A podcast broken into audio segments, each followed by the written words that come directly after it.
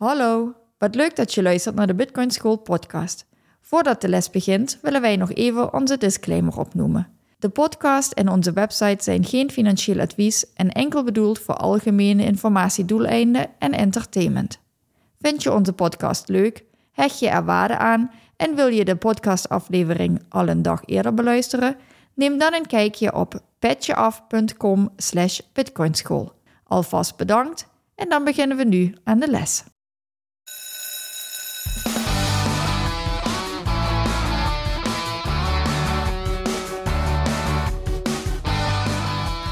Welkom bij de Bitcoin School podcast. In deze podcast willen we jullie de wereld van Bitcoin dichterbij brengen.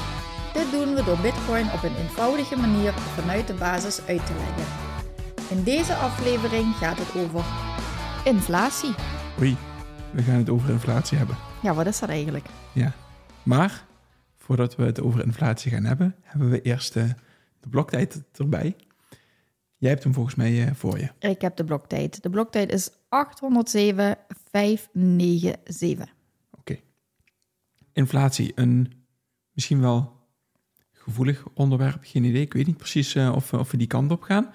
Maar ik wil in ieder geval deze podcast beginnen met te vertellen dat wij ook niet de waarheid in pacht hebben, dat we niet alles weten, maar dat we uh, onze visie op het grotere geheel hier leggen en dat we eigenlijk bekijken van oké, okay, we hebben een aantal dingen bekeken. Wat strookt het meeste met onze gedachten? Wat strookt het meeste met hoe wij erover denken? En hoe wordt het mainstream uitgelegd en hoe zou je het ook kunnen uitleggen? Ja, vooral weer het stukje daar bewust van worden en überhaupt eens over nadenken. Want wij zijn natuurlijk ook geen geleerde economen. Nee. Dus uh, eh, dit is geen officiële uitleg, geen officiële definitie, maar meer van wat is het eigenlijk, hoe zijn wij erachter gekomen, hoe zijn we ons daarmee bezig gaan houden en wat vinden we daar eigenlijk van. Ja. En dan inderdaad voor iedereen van ja, kijk daar eens überhaupt naar. Mm Ja, en um, uh, om het dan toch eventjes wel iets officieels erin te brengen, om het zo maar te zeggen, wil ik eigenlijk voorlezen wat er op de website van zowel de Europese Centrale Bank als op de website van het Centraal Bureau voor de Statistiek staat over wat inflatie is. Dan hebben we in ieder geval een vertrekpunt waaruit we de discussie kunnen starten. En als ik de website van de Europese Centrale Bank erbij pak, staat: Wat is inflatie? Een algemene prijsstijging. In een markteconomie kan de prijs van goederen en diensten altijd veranderen. Sommige prijzen stijgen, andere dalen. Inflatie treedt op wanneer er sprake is van een algemene prijsstijging van de prijzen van goederen en diensten, niet alleen eh, van individuele producten. Dat betekent dat je vandaag minder kunt kopen voor 1 euro dan gisteren. Met andere woorden, door inflatie wordt de munt in de loop van de tijd minder waard. Dat staat op de website van de Europese Centrale Bank. En bij de Centraal Bureau voor de Statistieken, want die meten de inflatie die hebben net even een iets andere definitie. Die zeggen de inflatie is de jaar op jaar mutatie van de consumentenprijsindex, CPI. En geeft aan hoeveel duurder het leven voor een gemiddeld huishouden in Nederland is geworden in een jaar tijd.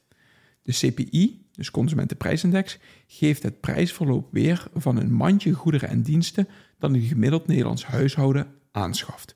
Hoe meer er gemiddeld aan een product besteed wordt, hoe zwaarder het meetelt in de CPI. Nou, ik denk dat we op die manier twee definities van inflatie hebben.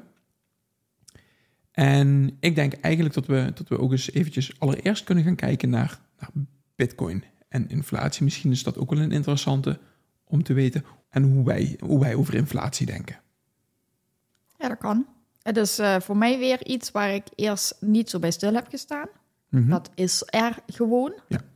Ik weet nog, uh, volgens mij heb ik dat ook al eens als voorbeeld genoemd, dat ik um, een keertje naar de prijzen van ijs ben gaan kijken. Wat een bolletje ijs kostte toen ik nog in de ijssalon werkte, 20 jaar geleden, en uh, wat het nu kost. En dat ik toen ook zei van, ah ja, maar ja, dat is ook wel logisch, want dat is 20 jaar geleden. Mm -hmm. En met de kennis van nu, zeg maar, dus een paar maanden later, en het me verdiepen in wat is dan inflatie en economie en hoe werkt dat, denk ik, ja, hoezo is dat logisch? Waarom vind ik logisch dat prijzen stijgen? Waarom vinden wij het logisch dat een huis tegenwoordig zoveel duurder is dan uh, in de jaren 50? Mhm. Dus um, nou ja, ik heb, daar, ik heb dat gewoon als, als waar aangenomen en dat het gewoon logisch is en zo gaat dat. Ja. Uh, ben er ook altijd van uitgegaan dat natuurlijk ook de salarissen uh, in verhouding meestijgen. Ja. Dat blijkt toch niet het geval te zijn. Mhm. Ja, dus wederom een, een heel interessant onderwerp wat ik tegen ben gekomen in mijn Bitcoin journey. Ja, en als je dan gaat terugkijken, dan denk ik dat je bij inflatie, als je, over het, als je het over inflatie gaat hebben, denk ik dat je eigenlijk bij een kip-ei verhaal uit gaat komen. En dat is, laat ik het zo zeggen, als je aan mij vraagt wat inflatie zou zijn, dan zou het zijn het toenemen van het beschikbare aantal geld, van het, van het beschikbare geld, en dat daarom prijzen kunnen stijgen. Ja, dan heb je het meteen al over een oorzaak, een mogelijke oorzaak. Nou ja, eh, laat ik het zo zeggen, de Centraal Bureau voor de Statistiek, nog de Europese Centrale Bank, die hebben allebei, benoemen ze op de website, niet wat de oorzaak van inflatie is. En zelfs de Europese Centrale Bank heeft een streefinflatie van 2% per jaar. En bij mij komen dan allerlei vragen op. Waarom is dat 2%? Wie heeft 2% bedacht? Wie heeft, is ergens bewezen dat 2% het de streefinflatie zou moeten zijn? Willen we dat allemaal of willen een paar mensen bij de Europese Centrale Bank dat? Waarom is dat niet 1% of 3%? Dat zijn allemaal vragen die dan bij mij opkomen op het moment dat ik hoor dat we naar een inflatie van 2% willen. En inderdaad, de vraag is: waar komt de inflatie nou daadwerkelijk vandaan? Komt die van het stijgen van de prijzen?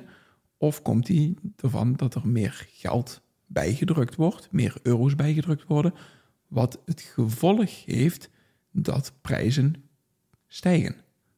Ja, daar werd natuurlijk ook uh, genoemd dat aanbod ermee te maken heeft dat prijzen stijgen, dat uh, door uh, de oorlog in Oekraïne minder bepaalde grondbasismiddelen voor weer verdere productie beschikbaar zijn, waardoor prijzen stijgen, waardoor... ja, we hebben het met de zonneblo zonnebloemolie hebben we het heel duidelijk gehad. Die is op een gegeven moment gigantisch hard gestegen, klopt ja. Ja. ja. Dus ja, dat wordt dan zo'n beetje genoemd als zijn, hè, alles wordt duurder, want dat komt door de oorlog. Mm dat is hoe het uh, volgens mij wel vaak nu verkocht wordt. Mm -hmm. Ja, goed, als bitcoiner heb je daar een beetje een andere visie op, merk ik. Uh, of hè, is het, is het uh, bitcoin-narratief is daar iets anders? Ja. Heb je daar een andere kijk op? En is het idee dat het vooral komt door de uitbreiding van de euro? Steeds meer euro's die erbij komen. En dat zie je dus ook weer mooi. We hebben hem de vorige keer al verlinkt in de WTF Happened in 1971. Mm -hmm. En dat je het ziet... loslaten van de goudstandaard. Het tijdelijk loslaten van de goudstandaard in 1971 inderdaad. Wat nog steeds ongoing is. Ja. We zitten nog steeds in die toestand. Dat het een tijdelijke toestand zou zijn. Mm Mhm. Een noodtoestand waardoor dat tijdelijk losgelaten werd. Maar ja, dat is nog steeds gaande. En je ziet dat sindsdien de hoeveelheid euro, maar ook dollar enorm is uitgebreid. En je ziet ook dat sindsdien de prijzen gigantisch stijgen. Ja, en wat ik interessant vind is, we zijn een paar jaar geleden zijn we uh, geconfronteerd met de coronacrisis. En dan, uh, dan kijk ik naar die persconferenties en dan uh, vind ik het heel fijn dat we te horen krijgen dat er een hele hoop steunpakketten zijn, dat er voor mensen gezorgd wordt op de een of andere manier. Maar als je aan, naar de andere kant gaat kijken, dan is de vraag, waar komt dat geld allemaal vandaan? Ja, dat was ook iets wat ik me afvroeg, inderdaad. Dat ik dacht van, ja, ik weet, ik weet de bedragen niet meer, maar het waren enorme bedragen die genoemd werden. En dat ik dacht, ja, maar waar, waar hebben we die dan? Zitten die dan zomaar ergens uh, hè, in, een, in een spaarpotje van de overheid? Hoe, hoe kunnen ze zo met geld gooien, even onerbiedig gezegd? Met geld smijten, geld uitdelen. Ja, met ja. geld smijten, ja. Ja, en nou ja, als je dan gaat verdiepen in het proces van geldschepping, geldcreatie, dan is het in ieder geval het geval dat, dat Nederland heel veel leningen, staatsobligaties uitgegeven heeft. Die uh, worden opgekocht door banken en dat gaat dan via de Europese Centrale Bank en via centrale banken, dus de Nederlandse bank, maar je hebt natuurlijk ook andere centrale banken in het eurosysteem. Duitsland heeft ook een centrale bank. En die zorgen ervoor dat er in ieder geval meer geld in de economie terecht gaat komen. Dus onder de bevolking. Nou ja, om daar misschien nog even op terug te komen, hoe werkt dat dan? Waar komt geld in het algemeen vandaan?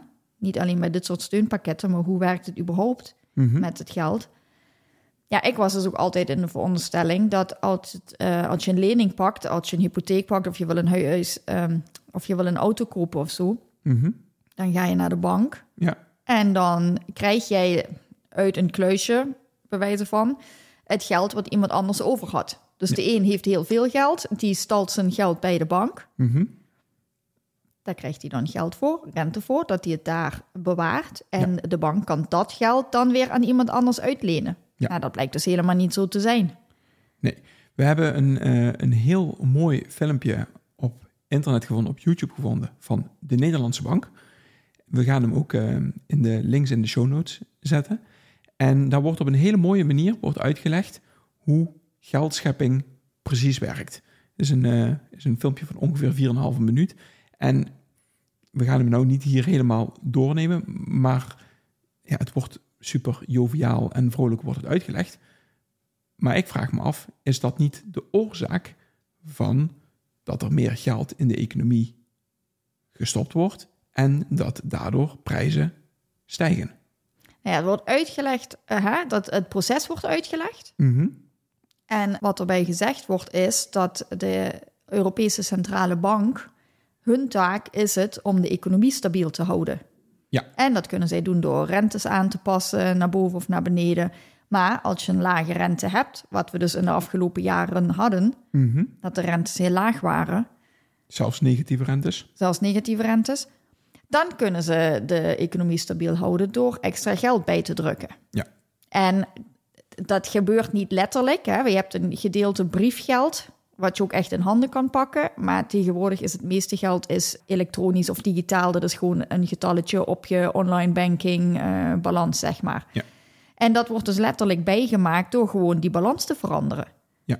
En op het moment dat er een lening afgesloten wordt, dus stel dat we een huis kopen en ik moet daarvoor naar de bank en ik pak daarvoor een hypotheek, dan is dat dus geen geld van andere mensen wat gebruikt wordt, maar de bank creëert dat geld daadwerkelijk met een druk op de knop. eh, zonder dat er nou papieren briefjes eh, uit een printer komen of iets dergelijks, maar gewoon met een druk op de knop wordt er geld bijgemaakt en dat wordt boekhoudkundig, wordt dat op twee balansen wordt dat recht gehouden, om het zo maar te zeggen, maar er wordt wel geld bijgemaakt, gecreëerd. En dat geld krijg jij dan. Dan staat er wel in het boekhoudboekje, in eh, het grootboek, dat jij eh, de bank geld verschuldigd bent. Ja. Maar vervolgens hè, kun jij de architect betalen, kun je de bouwmaterialen betalen, dat soort dingen. Dus dat komt dan wel in de economie terecht. En op die manier komt steeds meer geld in de economie terecht. Dus elk moment dat iemand een lening aanvraagt, ja, in de Bitcoin-wereld heb je daar een mooie meme van. Dan is het brrr en dan eh, gaan de printers weer lopen. Mhm. En zo komt er steeds meer geld in omloop. En dat is dus ook op het moment dat er dit soort steunpakketten uitgegeven worden. Ja. Dat zijn dan leningen die de staat oppakt. Maar ook dat is nieuw gecreëerd geld. Dus er komen miljarden euro's komen er gewoon uit het niks bij. Zonder proof of work, wat we vorige keer hebben besproken. Mhm. Dus zonder dat er eigenlijk een economische of een, een, een tegenprestatie tegenover staat. Ja, en dat is wel apart. Ja, waardoor de hoeveelheid geld gewoon gigantisch uitgebreid wordt. En dat zie je dus terug in die grafieken. Ja, hoeveel nee, geld er in omloop is, maar ook wat dat dus met de prijzen doet. En jij noemde net bij de definitie, toen je hem in het begin hebt voorgelezen, dat warenmandje. Wat ze. ehm, de consumentenprijsindex. consumentenprijsindex, hè, waarbij ze dan eh, verschillende producten gebruiken om, om inderdaad zo'n index te maken, om het door de jaren heen te monitoren wat de inflatie is. Mhm. Het blijkt dat daar ook steeds andere producten in zitten. Nou ja, de definitie van de consumentenprijsindex, die is in de afgelopen jaren, laten we het eh, eventjes ook weer iets ruimer pakken, en sinds 1980, 1970 is die meerdere keren goed gewijzigd. Zelfs in eh, juli dit jaar of in augustus dit jaar is die nog eens een keer door de Centraal Bureau van de Statistiek is die gewijzigd. En de vraag is natuurlijk, hoe eerlijk dat is, dat de definitie van het consumentenprijsindex, dat die verandert. Nu kan ik me voorstellen, we hebben op dit moment andere producten dan dat we dat in 1980 hadden. Maar ja, bepaalde dingen zitten er bijvoorbeeld zitten er ook niet in dat mandje. Een hypotheek of de kosten voor een huis, dat, zijn, dat is toch echt wel, wel iets waar ik elke maand geld aan besteed. Maar dat zit niet in dat consumentenprijsindex. Huur zit er dan weer wel in. En dan vraag ik me toch af, oké, dus dan zit blijkbaar het, de prijs van een huis zit niet in dat CPI, terwijl dat toch een groot gedeelte van een maandelijkse uitgave is die je hebt. Ja, voor mensen. En wat ook enorm veranderd is door de jaren heen. Dus in hoeverre kun je het dan vergelijken? Los van, hè, als, je, als je dingen wijzigt, ja, kun je dan het mandje van, of hè, dat, dat boodschappenmandje noem ik het maar even, van vandaag, kun je dat dan überhaupt vergelijken met vorig jaar, vijf jaar geleden, tien jaar geleden, als er constant andere dingen in leggen. Dus als ik een punt wil maken van hoe zijn prijzen veranderd, Mhm. Ja, moet ik dan niet zorgen dat er dezelfde producten in liggen, zodat ik dat ook daadwerkelijk ja, kan vergelijken. Ja, of wordt er aan cherrypicking gedaan van oké, oh, dit, dit is minder hard gestegen in het afgelopen jaar, dus we zetten nou iets wat hard gestegen is, halen we uit het mandje. En iets wat minder hard gestegen is, zetten we in het mandje. En daardoor houden we de inflatiecijfers die we, die we nu bekendmaken, ja, dat houden we kunstmatig daardoor laag. Ik weet het niet, maar het is wel een goede om daar eens een keer eh, onderzoek naar te doen. Nou ja, het zijn vragen die opkomen. Precies. Even kijken, wa- waar kunnen we het verder nog hebben eh, als we het over inflatie hebben? Nou ja, waarom is er een streefinflatie? Waarom zou je überhaupt inflatie willen? Want als inflatie betekent dat de producten duurder worden, maar mijn salaris niet evenredig meestijgt, dan hou ik zelf dus steeds minder over. Ja, ik vind het nog wel een interessante. Bij mij komt nou iets naar boven. Dat we vorig jaar, in 2022, hebben we een gigantische inflatie gezien. Hè? Dus er waren maanden dat de inflatie meer dan 10% was, 12%, noem het maar op. En überhaupt, wat betekent dat? Dat betekent dat dat mandje, als de definitie van het mandje gelijk blijft, laten we het daar eventjes op, op houden, dat je dus in principe 12,5% of 12% meer betaalt voor de producten in dat mandje dan een jaar geleden. Dus dan dezelfde maand een jaar geleden. Dat is eventjes de, het, eh, het, het punt. Een jaar later, nog een jaar later, stel dat de inflatie dan 2 of 3 procent is, dan is het die 2 of 3 procent bovenop die 12 procent van het jaar daarvoor. Dus het, het is niet dat de prijzen ooit nog omlaag gaan, om het zo maar te zeggen, tenzij we in negatieve inflatie hebben en dan heb je deflatie. Dat is eventjes een hele belangrijke om dit ook nog eens even mee te nemen. En inderdaad, waarom moeten we naar die 2%?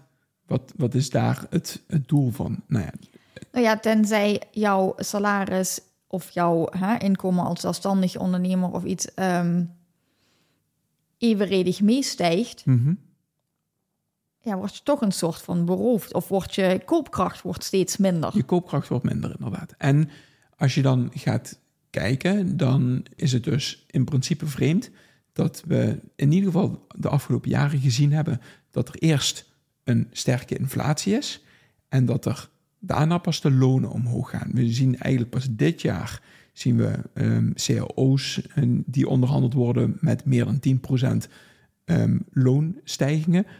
Maar dat volgt op een inflatie van 10, 12% vorig jaar. En dan vraag ik me af, staat dat nog in verhouding met...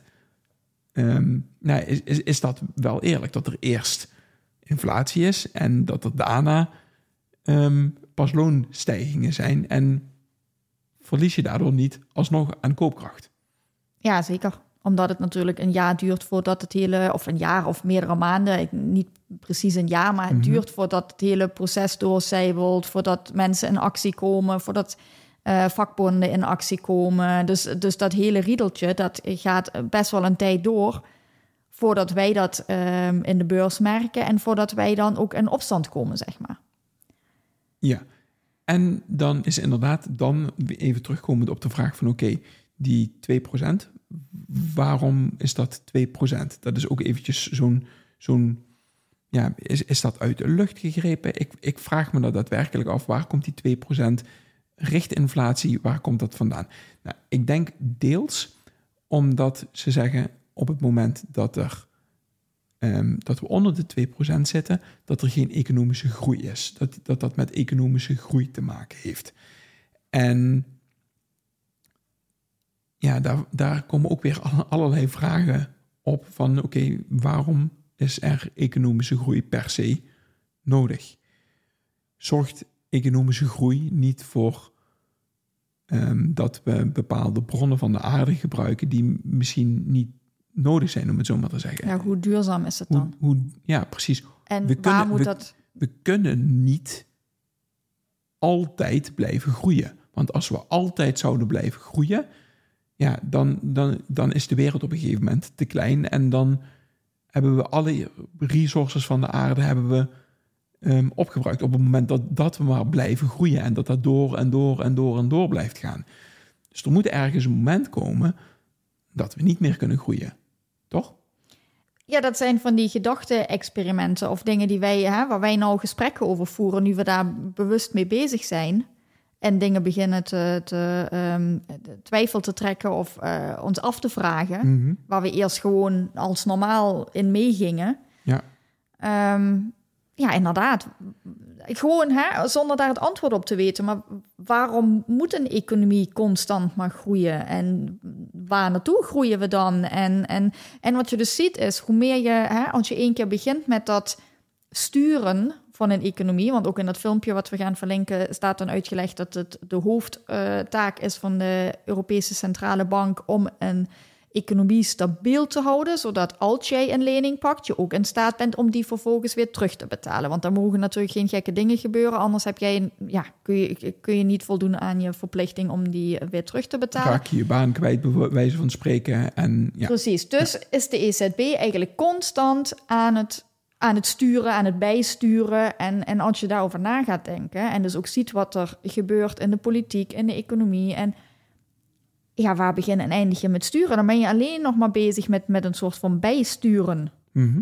En ga je dus weer uh, met, met rente spelen, ga je geld bijdrukken, ga je allemaal dingen uithalen om maar het zo stabiel mogelijk te houden. Maar ja, als we kijken naar de afgelopen maanden en, en jaren, ja, ik vind hem niet zo mega stabiel op dit moment. Dus ergens, ergens gaat er dan iets mis in mijn ogen. Ergens Ja. klopt toch dan iets niet. Ja, en, en volgens mij is een van de eh, argumenten is, oh, we willen geen deflatie, want deflatie is iets wat heel erg slecht is. Hè? En deflatie is dat, even de, de beredenatie daarachter is, deflatie is dat je morgen meer kan kopen dan vandaag met het geld wat je hebt. Ja, dat het meer waard wordt. En dat het geld meer waard wordt. En de beredenering daarachter is, op het moment dat we deflatie hebben, betekent dat dat je, je uitgaven gaat uitstellen.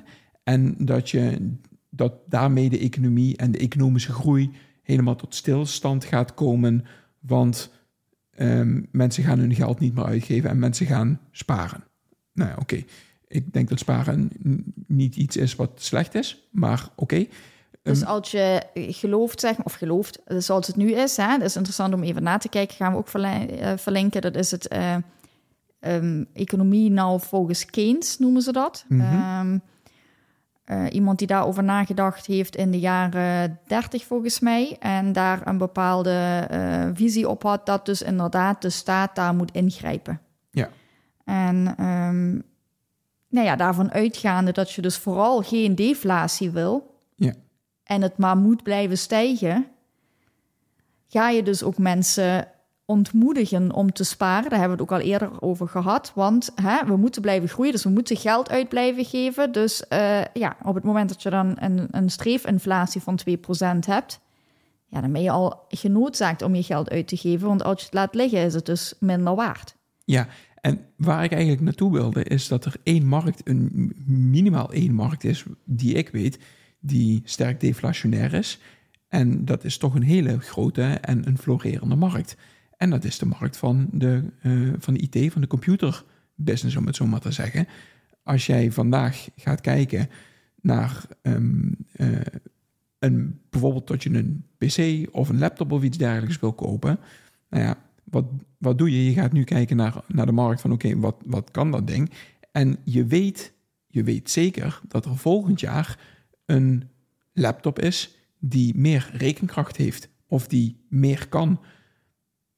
Maar ja, ehm, als jij een laptop nodig hebt of een computer nodig hebt, dan geef je toch het geld uit aan die laptop vandaag. Ook al weet je dat je volgend jaar een krachtigere laptop krijgt. En misschien dat je wel een paar jaar wacht met het uitgeven van. Hè, dat je zegt van oké, ik wil nou een nieuwe laptop. Dat je dan nog eventjes wacht, want op het nieuwe model of iets dergelijks. Maar je moet op een gegeven moment heb je toch die laptop of die computer heb je toch nodig. Of bij telefoons is dat precies hetzelfde. Je weet dat er volgend jaar dat er weer een nieuwe iPhone uit gaat komen. En de prijs van die iPhone is niet gigantisch veel duurder dan de huidige iPhone. Maar je weet wel dat er veel meer rekenkracht in gaat zitten. Of dus een betere camera, of wat we door de jaren heen hebben gezien. Hè? Dus je was eigenlijk gek vroeger toen je een van de eerste computers kocht.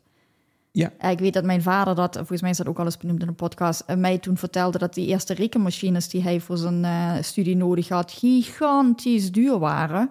Ja. ja, hij had hem toch nodig. Ja, hij had ook kunnen denken, ik koop hem wel over twintig jaar. Maar dan heb je in je studie niks aan, dus dat werkt niet. Maar dat is even, dat zijn voorbeelden, of dat is een voorbeeld van een deflationaire markt, dat mensen toch geld uitgeven, ook al is het een deflationaire markt. Want je hebt bepaalde dingen toch gewoon nodig. Ja, dus, dus, om het even om te draaien, stel je zou geen 2% inflatie hebben. Mhm. En je zou in een bitcoin-standaard leven. Dus daar komt geen nieuw geld bij. Dus ik kan het geld maar één keer uitgeven en dan is het weg. En dan moet ik nieuw ja, bitcoin verdienen, zeg maar, door te werken. Mhm. Eh, om weer nieuwe bitcoin te krijgen. Ja, je zal toch moeten eten. Dus je gaat ze toch uitgeven. Ja, en, als je dan werkt om te kunnen eten, dan wil je ook een keer iets leuks gaan doen. Dus dan ga je toch, je gaat misschien wel drie keer over nadenken waarvoor je ze uitgeeft. Mhm. Maar je gaat toch, ja, je moet toch leven, je moet toch wonen. Dus je gaat het geld, in dat geval dan hè, in een Bitcoin standaard Bitcoin, ga je toch uitgeven. Ja. Dus is een deflationaire markt ja, echt zo dramatisch als dat de huidige economen dat denken? Moet daar zoveel in gestuurd worden? In hoeverre zijn dingen nog efficiënt op het moment dat er zo gestuurd wordt? Als we ook met subsidies gaan smijten om hè, bepaalde markten uh, aantrekkelijker te maken en te pushen. En ja, ik, ik heb het gevoel nu ik daar meer uh, hè, naar kijk en, en meer op let, dat er zo gigantisch veel gestuurd wordt en je inderdaad dus alleen nog maar aan het, constant aan, aan tegencorrigeren bent en weer aan het bijsturen bent en dan ja Mhm. Dus dat er geen vrije marktwerking, geen echte vrije marktwerking is. Want dat is wel een aparte. Ik, misschien, ik, ik, hoop dat ik hem nu rond ga krijgen. Als we hem nog heel even oppakken naar, um, naar, naar iets wat geld kost, om het zo maar te zeggen. Een prijs van iets is een signaal. Is een signaal van de markt of ik iets wil hebben, of dat er vraag naar is, of dat er niet is, om het zo maar te zeggen. Op het moment dat er geen vraag naar een bepaald product is, zal de prijs dalen van het product. Want ja, misschien tot er tegen een andere prijs wel vraag naar dat product is. Dus een prijs is een signaal. En wat gebeurt er bijvoorbeeld met subsidies? Dan wordt de prijs, dat signaal van dat, van dat product, wordt kunstmatig veranderd. En er wordt gestuurd. En dat is apart op het moment. Eventjes laten we het over zonnepanelen hebben. Op het moment dat je zonnepanelen op het dak wil hebben, dan worden er op dit moment, ik weet niet of het in Nederland nog steeds is, maar dan, we hebben een tijd gehad dat je subsidies kreeg van de overheid. Dus dan kan ik me voorstellen dat in principe zonder die subsidie zouden mensen in ieder geval minder zonnepanelen op hun dak leggen. En is de prijs van die zonnepanelen voor mensen niet rendabel genoeg. Ze hebben die subsidie hebben ze nodig of die willen ze gebruiken om het voor hun meer rendabel te maken dan is de vraag: is dat wel de juiste incentive? Is dat de juiste methode om dit vooruit te brengen? Of moeten we het op een andere manier doen en zeggen van oké, nou ja, we hebben betere technologie nodig voor die zonnepanelen. Want de zonnepanelen die er nu zijn, die zijn blijkbaar niet efficiënt genoeg. Want er moet subsidie tegenaan gegooid worden. Misschien moeten we nog technische vooruitgang boeken op het gebied van zonnepanelen om het wel efficiënt genoeg te maken. Waardoor het rendement wellicht hoger wordt, waardoor je vanzelf uh, het rekensommetje kan maken. Het loont voor mij om ze op het dak te leggen. Precies. Of waardoor ze andere producten gaan gebruiken, uh, waardoor de zonnepanelen omlaag kunnen in prijs. Waardoor ik denk, oh, nou, nu loont het wel. Ja, en dat hebben we natuurlijk ook met elektrische voertuigen. Hebben we ook genoeg subsidiepakketten gehad en dergelijke. En de vraag is, zo'n elektrische auto is die nog wel rendabel als je de subsidie niet krijgt. En op het moment dat die niet rendabel is, op het moment dat je die subsidie niet krijgt, dan is die dus blijkbaar niet efficiënt genoeg, die auto. En hebben de of mensen de dus... besparing niet groot genoeg. Of Ja, in ieder precies. geval is voor mij dan niet ja, logisch genoeg om die keuze te maken. Precies. En daardoor stuur je ontzettend een markt. Ja, en, en is het... Ik denk dat het heel goed is als we in een wereld zitten waarbij er reële prijzen zijn. De, misschien is dat het wel. De, de prijs van het product is door subsidies en nou ja, door zulke soort dingen niet meer reëel. En het signaal, want de prijs heb ik net benoemd, is eh, prijs is een signaal, is dus niet reëel. En ja, daar vraag ik me af of dat, of dat die. Wat zorgt ervoor dat iemand bepaalt of iets wel of niet een subsidie krijgt en aan een prijs, een signaal dus ergens iets mag, mag gaan wijzigen? Vind ik Ja, of een- moet je niet veel meer een gezonde marktwerking en dan is het een soort van survival of the fittest. En Dan En- kunnen wij als consument bepalen waar ons geld naartoe gaat en, en welke keuzes wij maken. En als, dan maak je bepaalde keuzes alleen als die dus ook ja, aantrekkelijk genoeg zijn. Als ik daar ook echt een waarde in zie. Ja, en je kan dus alleen maar, ehm, survival of the fittest vind ik, vind ik hierin een goede. Je kan dus alleen maar overleven op het moment dat jij efficiënt je werk doet. Op het moment dat je efficiënt weet te produceren. Op het moment dat je. En dat is misschien hetgeen waar we naartoe gaan als we in een Bitcoin-standaard leven. We zien nu bepaalde ondernemingen dat die gigantisch groot zijn, dat die ontzettend groot zijn. En nou ja, de vraag is of die nog wel door hun grootte ook efficiënt genoeg zijn. Of dat ze door het proces van geldcreatie, want die grote bedrijven die hebben eerder toegang tot de financiële markten en, en tot meer geld door leningen aan te vragen en dergelijke, kunnen die wel efficiënter werken? Of hoe eerlijk is dat om het zo maar te zeggen? Ja, dat is heel gek als je daarin gaat verdiepen. Het blijkt dus dat een Shell en een, een Volkswagen groep en zo gigantische schulden hebben. Omdat ze zo groot en systeemrelevant zijn, komen ze als eerste en als snelste. Ja, Volkswagen Bank heeft, hè, of Volkswagen heeft een eigen bank zelfs. eh, kunnen die ook leningen verstrekken? Kunnen die zelf makkelijk aan leningen komen? Mhm. En, En daardoor, staan, dus ze als, e- staan ze als eerst bij het geldcreatieproces, omdat we net benoemd hebben dat het uitgeven van een lening, dat dat ervoor zorgt dat er geld gecreëerd wordt. Dus ze zijn als eerste bij het geldcreatieproces.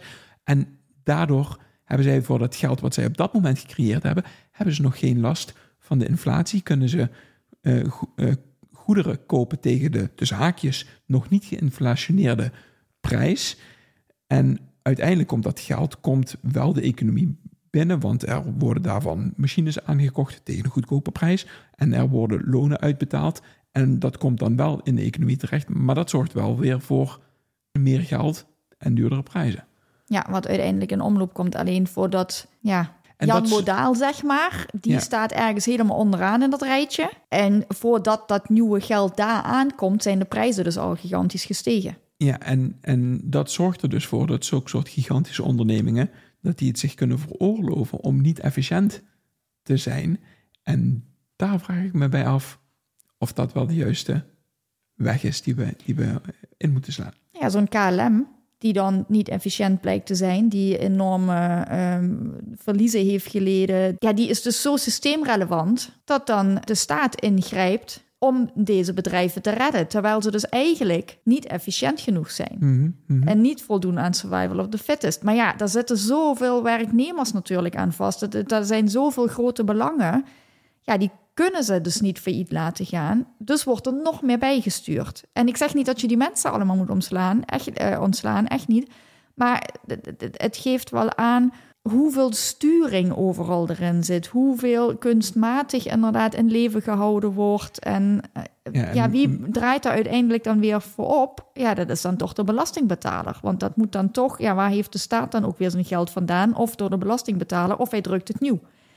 En dat is, ja, dat is zo'n onevenwicht.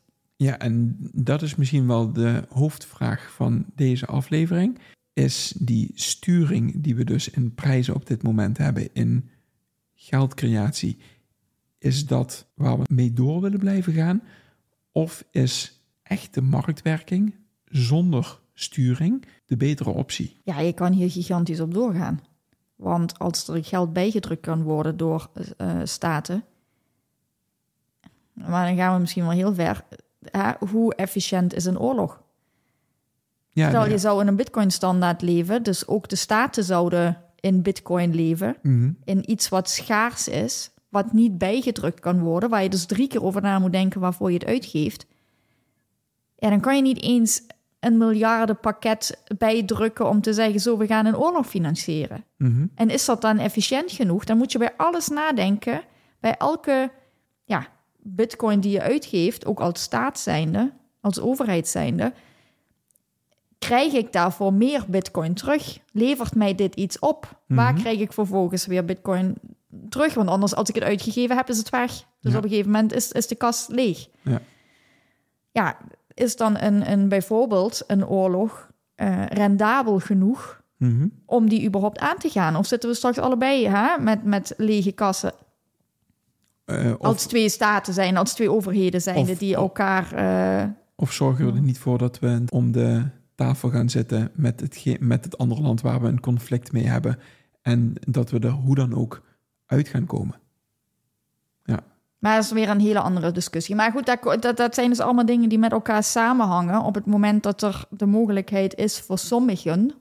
Want ik kan zelf niet op een knopje duwen en, en dan komt er meer geld. Ik moet toch tijd en energie ergens insteken om Mhm. daar geld uit te halen. Ja, hoe eerlijk is dan het systeem? Ja, interessante gedachten. Hebben we ge- genoeg over inflatie gepraat op dit moment? Of ja, ik denk het wel. Ik denk dat we heel even moeten benoemen dat het effect wat we benoemden, dat de grote bedrijven als eerste hè, bij het nieuwe geld komen. Dat en heet dat- het Cantillon-effect. Ja, het Cantillon-effect, dat gaan we ook verlinken, zodat jullie daar eh, nog verder in kunnen duiken en dat eens kunnen nalezen hoe dat precies werkt. Mhm. Ja, super interessant. Ehm, zoals elke aflevering, en ik heb het aan het begin ook benoemd, maar ik wil het echt gewoon blijven benadrukken. Dit is, we hebben wat vragen gesteld, we hebben ook onze visie erop gegeven, maar check of dit met, met jou ook voor jou klopt. Ik weet dat wij niet 100% de waarheid in pacht hebben. Op het moment dat ik een 6 opschrijf, dan zie ik hem als een 6 en jij ziet hem als een 9. Dus we kunnen naar hetzelfde kijken, maar we zien allebei iets anders. En misschien hebben wij het niet 100% bij het rechte eind in deze podcast. Maar nee, er komen toch een hoop vragen bij me op als ik het over inflatie eh, heb. Ik denk dat het weer te maken heeft met een stukje bewustwording. Ja. En nou ja, we laten ons heel graag challengen. Dus mocht je daar zeggen dat wat jullie vertellen, hè, dit klopt niet. Of ik zit er anders in of zo, laat het heel graag weten. Eh, het ligt er ook natuurlijk aan, ik bedoel, de economen zijn het er ook niet over eens. Er zijn, eh, daar is geen één waarheid. Er zijn verschillende stromingen in de economie. Ja. Met verschillende overtuigingen. Nou ja, dus vandaar dat dit is onze visie. Gewoon inderdaad heel duidelijk. Dit, is, dit zijn de vragen die bij ons opkomen op het moment dat wij eh, ja, Precies. steunpakketten lezen of hulppakketten of dat soort dingen. Dan denk ik dat we, we het thema goed genoeg eh, besproken hebben. En dan, eh, dan denk ik dat we hem gaan afronden. Ja, tot de volgende keer. Oké, tot de volgende keer. Bedankt voor het luisteren van deze les. Je kan onze podcast beluisteren via Spotify, Apple Podcast, YouTube en alle andere grote podcastplatformen. Wij zijn ook actief op Twitter en Instagram. Daar kun je ons bereiken. Heb je dus vragen of opmerkingen? Stuur ons dan een berichtje naar @bitcoinschoolnl op Twitter of Instagram. Groetjes en graag tot de volgende les.